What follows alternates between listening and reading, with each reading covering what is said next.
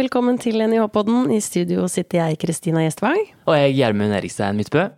Og i dag så skal vi snakke om eh, et tema som står oss ganske nært. Vi skal snakke om trening og det å være småbarnsforeldre. Ja, vi står jo midt oppi det begge to, Kristina. Jeg har akkurat blitt tobarnsfar, da, og det er jo en del å gjøre med det. Og så har jeg jo lyst til å være aktiv og komme meg ut på, på løpetur og skitur eh, når det er vinter. Og det er det jo ikke alltid like lett å få til. Du har jo egentlig valgt å sette deg sjøl i andre rekke. Det er i hvert fall sånn jeg opplever å bli mamma, at det er alltid noen andre først. Eh, men det er mulig, så vi skal vel prøve å snakke litt sånn om hvordan kan du få det til. Ja, men jeg har lyst til å gi deg som hører på litt inspirasjon og kanskje noen tips til økter, da, konkrete økter som kan funke i en travel hverdag der eh, en må få til hverdagslogistikken. Og kanskje kan du òg ta med familien på noen av øktene, det skal vi komme inn på. Og vi har en eh, veldig bra gjest i dag som er studiesjef her på NIH, men hun har òg vært tidligere langrennsløper på toppnivå. Velkommen, Anja Runding Veum. Takk for det. Jeg er jo ekstremt langrennsidiot. Altså, jeg husker jo når jeg satt og fulgte med på både NM og verdenscup eh, tilbake på slutten av 90-tallet og starten av 2000-tallet, så heia jeg litt ekstra på deg. Jeg har ikke sagt det til deg, men Anja Wem hun heia jeg litt ekstra på. Du var topp 20 i verdenscupen. Det er ikke det vi skal snakke om i dag, men siden jeg er såpass langrennsidiot som jeg, så må jeg trekke fram det. Men det vil jo si at du har vært glad i å trene og ha en aktiv livsstil i lenge. Det stemmer. og som langrennsløper så er du innom veldig mye forskjellig trening, så du blir veldig glad i ulike treningsformer. Og ja, både sommer og vinter så trener en jo mye. Mm. Så en får liksom et godt grunnlag egentlig for mye forskjellig aktivitet seinere i livet. Men nå har du hatt Ja, du er jo ikke småbarnsmamma lenger nå, kanskje det. Ungene dine har blitt ni og elleve år. Eh, du, har, du, er ferdig med det der eh, vognlivet som jeg og Kristina fortsatt eh, er inne i, da.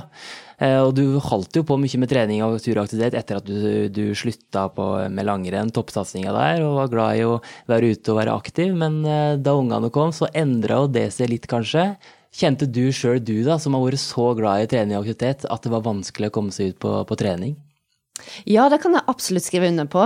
Eh, som jeg sa, så jeg var jo veldig glad i å være aktiv, og aktivitet etter jeg på en måte la opp, var jo en del av hobbyen. Sånn at eh, ettermiddag og helger og ferier var gjerne aktivitetsbaserte.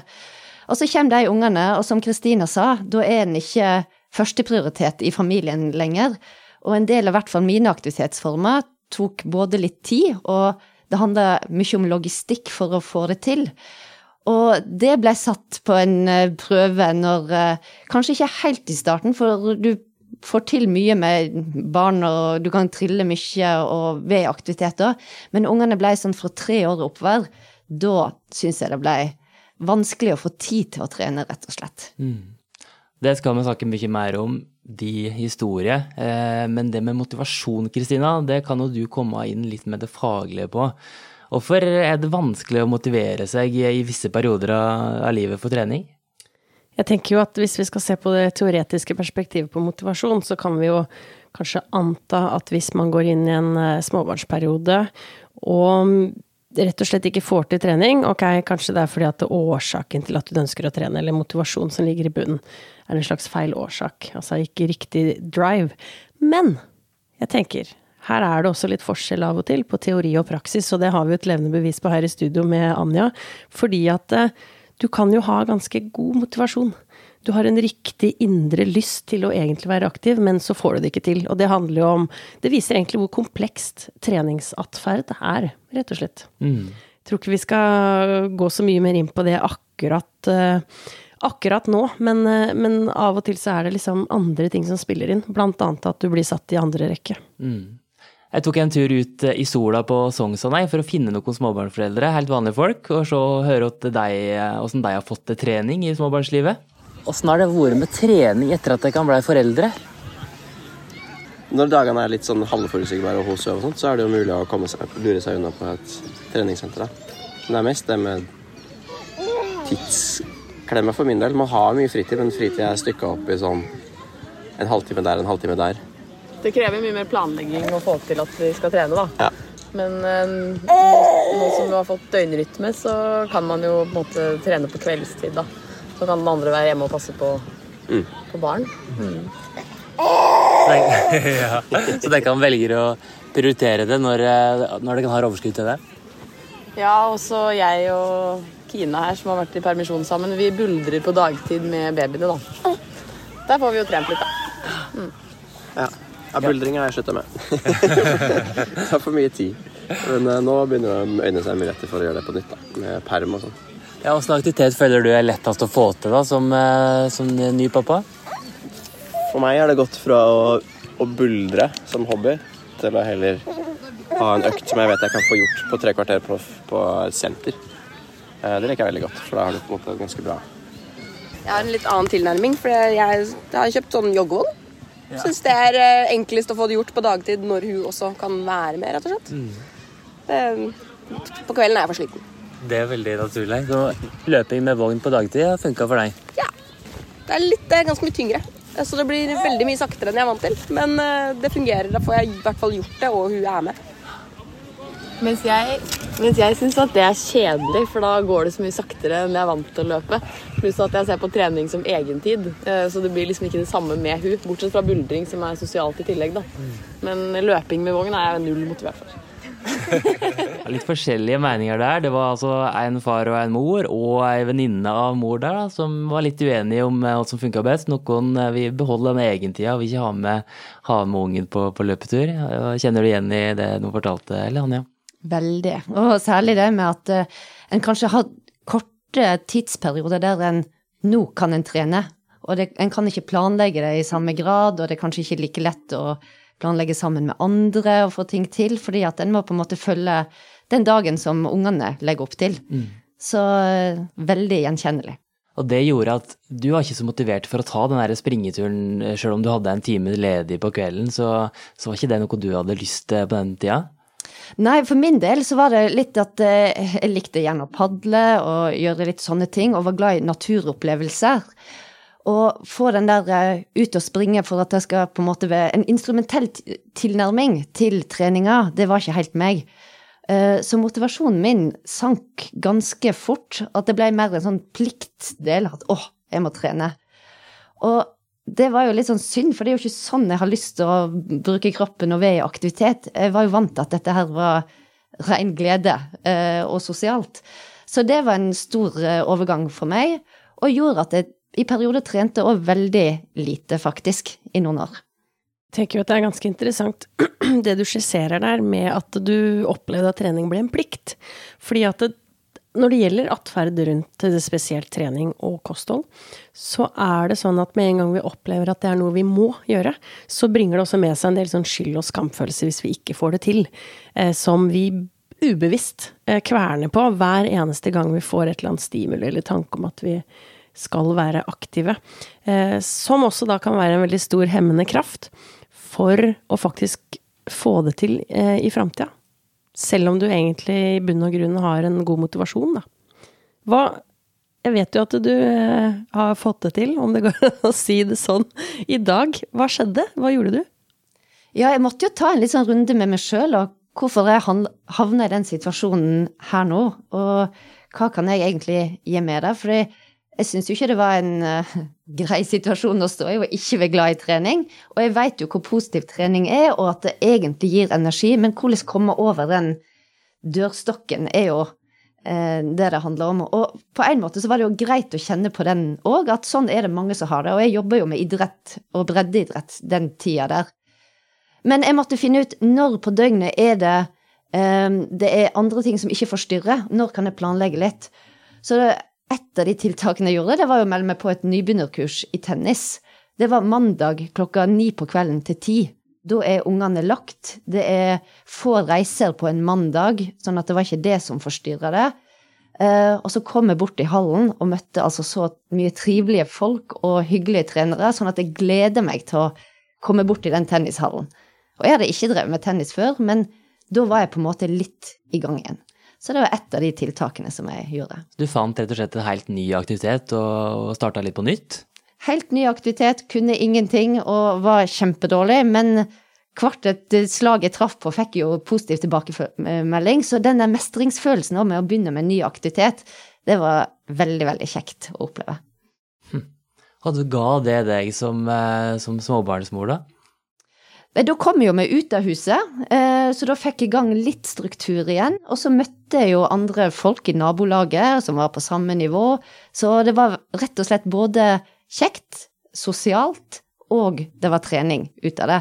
Og så tok jeg med meg eh, kunnskap om en eh, aktivitet som jeg kan gi ute med barna eh, seinere.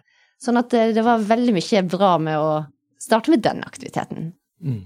Det høres jo også litt ut som at um, aktiviteten tennis, da, der og da, ga deg også andre aspekter ved det å være aktiv enn det du har opplevd tidligere. Altså, jeg antar jo at du har hatt på en måte en del av disse resultatmålene som utøver, mens nå handler det om å ja, mestre, være sosial. Det også er jo veldig kjent innenfor idrett. men at det egentlig handler mer om den gleden av å være i aktivitet, og ikke nødvendigvis at du skal oppnå noe. Og det underbygger jo litt av det som vi også snakka litt om i forkant av episoden, at kanskje småbarnsperioden er en periode hvor vi for det første er aktive mest for å opprettholde en kropp som fungerer, og som tåler hverdagens krav. Og at vi kanskje skal gi oss sjøl lov til å holde på med litt mer aktivitet. Eh, og ikke nødvendigvis at det er den treninga satt i system, da. Jeg veit jo du, Anja, eh, har sagt at du har ikke springet intervalløkter på 10-15 år. Nå gjør du det da, sammen med folk her på, på jobb. Men, men, det er jo litt artig å høre at det er en langrennsløper som har vært så god og har drevet så mye med trening på høyt nivå, plutselig bare ikke har lyst til det. Og ikke konkurrerer. Det er mange av dine tidligere lagkamerater som faktisk som konkurrerer litt fortsatt, men det har ikke du hatt noe noen motivasjon for. Nei, jeg var ganske sånn ferdig med den delen av uh, idretten. Det å trene hardt og springe fort og ha mål. Men der er en jo veldig forskjellig. Noen er jo med i ja, renn og løp, eller finnes det andre mål. Så det tror jeg er veldig sånn individuelt. Det må en egentlig finne ut av litt uh, sjøl. Og det kan jo hende jeg òg setter meg sånne mål i framtida, men sånn akkurat nå, uh, og i den fasen som har vært, så tror jeg det ville vært mer stressende for meg å ha sånne mål enn det som jeg hadde. Eh, naturglede, glad i aktivitet og det er det fellesskapet som aktivitet og idretten kan gi, da. Mm. Og aktivitet, selv om ikke du følte at du Du sa jo at du nesten var inaktiv i noen deler av, av småbarnslivet, men iallfall når du drev med Hadde vogn, og, og, det blir jo en del naturlig aktivitet, altså selv om det ikke føles som trening i et småbarnsliv. Så kanskje en, en trenger ikke alltid å føle at en må ta ei økt på slutten av dagen hvis en har vært aktiv eh, tidligere. Nei, og det tror jeg er kjempeviktig. At uh, bruk uh, de anledningene som er. Bæremeis. Sant? Du, ungen blir jo større og større og tyngre og tyngre, og har du den på ryggen, så, så blir du ganske sterk òg. Så det er kanskje ikke, i hvert fall for min del, så var det ikke de årene jeg var minst uh, aktiv.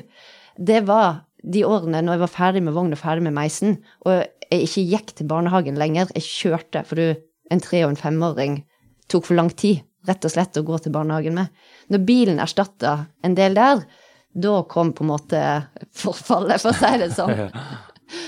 Da det sto på som verst, eh, Anja, eh, med to barn eh, der hjemme, og du hadde òg en mann som jobba mye ute, var mye på, på, på reis, og sjøl hadde du en jobb i Idrettsforbundet som var, var, viktig for deg og ville prestere i. Åssen var den balansegangen der? Nei, da var det jo vanskelig å finne de tidene en kunne trene og planlegge òg. Eh, så det, da ble det jo litt lite trening. Eh, samtidig så hadde jeg jo muligheten, fordi at i kjelleren så sto det jo både ei treningsmatte og en sykkel, ei rulle og noen slynger. Men motivasjonen min til å liksom bruke det, den var lik null. Så jeg kom ikke ned sjøl og fikk hatt ei styrkeøkt på kvelden aleine i huset. Så da, da ble det ingenting i den tida der. Det skal litt til sånn motivasjonsmessig å ta den turen til slynga i kjelleren når du har vært aleine med to unger òg. Ja, og noen klarer det helt sikkert å ha den motivasjonen til å gjøre det og gjennomføre det. For meg så sto ikke jeg i det. Jeg var ikke motivert, og gjorde det heller ikke. Kan jeg bare spørre en sånn i retrospekt? Eh, hvis du der og da hadde liksom stoppa opp og tenkt at ok, hvis jeg bare skal få til noe, og så hva kunne det ha vært, og så funnet en eller annen løsning på noe du hadde hatt lyst til, da. Altså Tror du du hadde gjort det? Ja, da måtte jeg funnet de tingene som jeg etter hvert begynte med. At eh, hva er det jeg gleder meg til, og hva har jeg lyst til å gjøre? Og det var egentlig den endringa når jeg satte meg ned. Hva, hva, er det jeg kan finne som uh, passer meg, og hva, hva, er det som gjør at jeg kommer ut? Så det var den på en måte litt endringa, fordi jeg skjønte at eh, jeg må jo gjøre noen aktive grep her for å få tilbake treningsglede og aktivitetsglede. Det var da jeg meldte meg på tenniskurs. Jeg tok faktisk et svømmekurs òg, som er i crawl. For det kan jo Det er effektiv økt, og kan svømme når vi var i svømmehallen, som vi var en del i da. Og um, ja, så etter hvert så begynte jeg å gå litt òg, så jeg gjorde noen aktive grep for å glede meg å komme ut og i aktivitet igjen. Det er et godt konkret tips. da. Hvis en reiser i svømmehallen med hele familien, så kan eh, foreldra bytte på å få seg litt av økt i, i eh, å crawle. Må ikke kunne crawle heller, da, men i, i svømmebassenget der. Absolutt, og da kan jeg jo bare si at NIH, her var det jo òg et svømmekurs for både barn, og så borterst i bassenget så var det crawlekurs for voksne. Så hele familien vår var på svømmekurs samtidig. Og, lærte, og vi lærte jo å crawle, og det er òg en mestringsfølelse i seg sjøl å lære en ny svømmeteknikk som en kan bruke i aktivitet. Nå snakker vi jo mye om det å komme seg ut, og det å melde seg på noe organisert. Jeg har litt lyst til å liksom utfordre oss på at ja, men hva hvis du da, ikke sant. Du fortalte henne at mannen din reiste mye. Hva hvis han var borte en hel uke? Du, du kom deg ikke ut av husdøra. Du hadde slyngene. De hadde du ikke så lyst til å gjøre. Hva gjør man da? Ja, det er jo òg på jobben så finnes det jo det, sant. Med en del, eh, på en del arbeidsplasser så er det jo to timer treningstid i uka. Så det å bruke de, planlegge det, booke tid i kalenderen for å få trent, det er i hvert fall et bra tips. Og snakk med sjefen om det, at det, det er viktig at en holder seg i form. Som arbeidsplass òg, så, så, er jo det et uh, ønske at folk skal holde seg friske og ja, go, ha god helse. Så det å ta de samtalene der tror jeg er, er lurt. Um, og så er det jo òg, om en ikke får trent hver dag i eh, hverdagen, så er det få inn et par økter i hverdagen, eh, og så bruk helga og planlegg, da, for den er kanskje litt mer rom i til å gjøre andre ting. Så det er hele veka som teller, og ikke nødvendigvis bare de mest hektiske dagene. Absolutt. Og så tror jeg jo det handler om at uh, vi kan bli flinkere til å tenke at noe er bedre enn ingenting. Da er vi liksom inne på det sporet. Um, en kort historie fra én løsning, da. Vi kan jo gå litt mer inn på konkrete ting. Ja, mer det. Ja. Um, ja, vi begynner å kjøre til barnehagen, men sånn som min uh, Lea på to år er jo kjempeglad i å leke ute på en lekeplass. Naboene og de som går forbi ser jo fryktelig rart på meg, tenker at jeg er klin gæren mor, men jeg setter da intervallklokka på de dagene hvor jeg ikke har noe annen tid til å være aktiv enn når Lea skal leke på lekeplassen. Setter en tidsintervall på 30 sekunder, 30 sekunder på og av spurte fram og tilbake fra ende til ende på lekeplassen i 30 sekunder, og så er jeg borte på Lea i 30 sekunder. Det ender jo med at jeg har Lea løpende etter meg som sier 'mamma, mamma', så må jeg løpe med hun på armen, det er jo også tungt. Allikevel, da får jeg jo noe ut av det, i stedet for at jeg bare hadde dilta litt sånn etter. Uh, ja, fordi det går ikke så fort hvis jeg bare skal gå og tusle etter en toåring. Og samtidig som du får tid med, med henne, da. Mm, mm. For det kan jeg kjenne litt på, da. og hun jeg... ser aktivitetsgleden, mm. tenker jeg. Altså, ja. ja. Men det kan jeg kjenne litt på, at uh, i en travel hverdag så er det jo ikke mange timene fra du henter i barnehage til de skal legge seg, så det føles jo litt sånn egoistisk å skulle presse inn uh, ei økt der. Eh, men vi er jo heldige her på NIH, og det er sikkert mange andre arbeidsplasser òg, der du kan få inn litt trening i arbeidstida, som vi, som vi ofte kan, eller om du kan bruke det som transporttrening. Men òg kanskje i helgene så har vi prøvd å ha litt sånn eh, fellesøkter der vi tar med hele familien ut. Eh, kanskje skal både jeg og, og mor da ha intervalløkt. Og da har vi ofte kanskje gjort det på en friidrettsbane. Der er det jo ofte ei lengdegrop, og det kan funke som sandkasse for en eh, treåring. Der sitter hun og koser seg. Eh, den andre ungen har ligget i vogn og sovet. Eh, først springer mor sin intervalløkt, og kommer jo da og stopper med lengdegropa for å snakke litt i pausene og så kan jeg ha økta etterpå. Eller det kan være på en lekeplass der vi springer en runde rundt lekeplassen og kan bytte på å være sammen med ungen i pausen. Og det syns vi har funka veldig bra. Da kan vi være sammen med hele familien, være ute, ungen får være aktiv, og ja. Ja, og så nevnte det jo òg bedriftsidrettslag, og det er det jo veldig mange plasser. At en enten har et styrkerom, eller en har tilbud gjennom bedriftsidrettslaget. Og nå er jeg jo leder i dag òg, og jeg prøver jo det jeg kan med å verne de tidene som jeg vet at gjerne småbarnsforeldre kan trene der. Og bruk den anledningen. Og jeg prøver å være et godt forbilde sjøl med å bruke de treningstimene vi har i arbeidstida, til trening òg. For det er en god investering. Mm. Og hvis det ikke finnes noe på arbeidsplassen din, så er det jo mulig å prøve å finne på noe selv, ta initiativ sjøl til ei løpegruppe på jobb eller ei styrketreningssirkel på jobb. Jeg vet at du har gjort, eller er med i en sånn sirkel med barnehagemødre eller fra tidligere? Absolutt. Det var barnehagemødre som tok initiativ til litt sånn uh, sein kveld uh, styrketrening. Så nå møtes vi klokka åtte på tirsdager. Og Finn egentlig inspirasjon på Instagram, og de der treningsinfluenserne, de har masse forskjellige økter som vi plukker ut av og setter sammen ei økt. Og ikke noe komplisert. Bare med, med styrkematte og tre kvarter til en time med aktivitet. Og veldig sosialt. Og den lille forpliktelsen som gjør at du på en måte kommer deg ut og møter andre. Kommer du over dørstokken. Det handler rett og slett om å se mulighetene, og ikke begrensningene. Og der tror jeg at vi alle kan bli bedre. Ja, ok, dette er det jeg står i akkurat nå. Hva har jeg av muligheter til å være litt aktiv i dag? Mm. Men Kristina, det med motivasjon, det kan jo ofte være Da skiller litt det mellom ytre og indre motivasjon, da man kjenner på, på den indre motivasjonen. Og kanskje det, holder det mer i lengda hvis en skal tenke i det lange løp, eller er det litt forskjellig på det? Ja, hvis vi ser på motivasjonen helt sånn svart-hvitt, og deler det inn i indre og ytre, så tilsier jo litteraturen at du kanskje vil få en litt mer varig treningsatferd ved å ha indre motivasjon. Men vi kan jo heller grave litt og tenke at ok, men hva er egentlig årsaken til det motivet du har for trening i seg sjøl? Um, pleier jeg alltid å bruke et klassisk eksempel, vektnedgang. Kanskje det er målet ditt. Altså det er motivasjonen for å trene. Men hvorfor vil du gå ned i vekt? For det er ganske stor forskjell på om du har lyst til å gå ned i vekt fordi da blir det lettere for deg å leke med barna dine og tåle hverdagens krav, enn om du har lyst til å gå ned i vekt fordi at du ser at disse influenserne på sosiale medier ser vellykka ut fordi de veier 20 kilo mindre enn deg. Og det igjen kan kanskje si noe mer om motivasjonen i seg selv er det som heter autonom, altså selvbestemt. At jeg opplever da at trening er noe jeg gjør fordi at jeg selv har lyst til å gjøre det. Eh, og har bestemt at det er en atferd jeg vil gjøre, enn at det blir litt mer sånn kontrollerende. At jeg gjør det fordi at jeg er påvirket av noen ytre faktorer og føler på kanskje litt sånn ja, skam, eller på, at noen har pålagt meg at jeg må trene. Mm. Og der måtte du finne litt de nye aktivitetene for, oss, for å gi deg den indre motivasjonen eh, i småbarnslivet, da, Anja? Ja, det var jo litt nye aktiviteter. sant? En eh, som ikke tok så lang tid. Så det var egentlig et skifte fra sånn som jeg hadde hatt aktiviteter før, en del i hvert fall.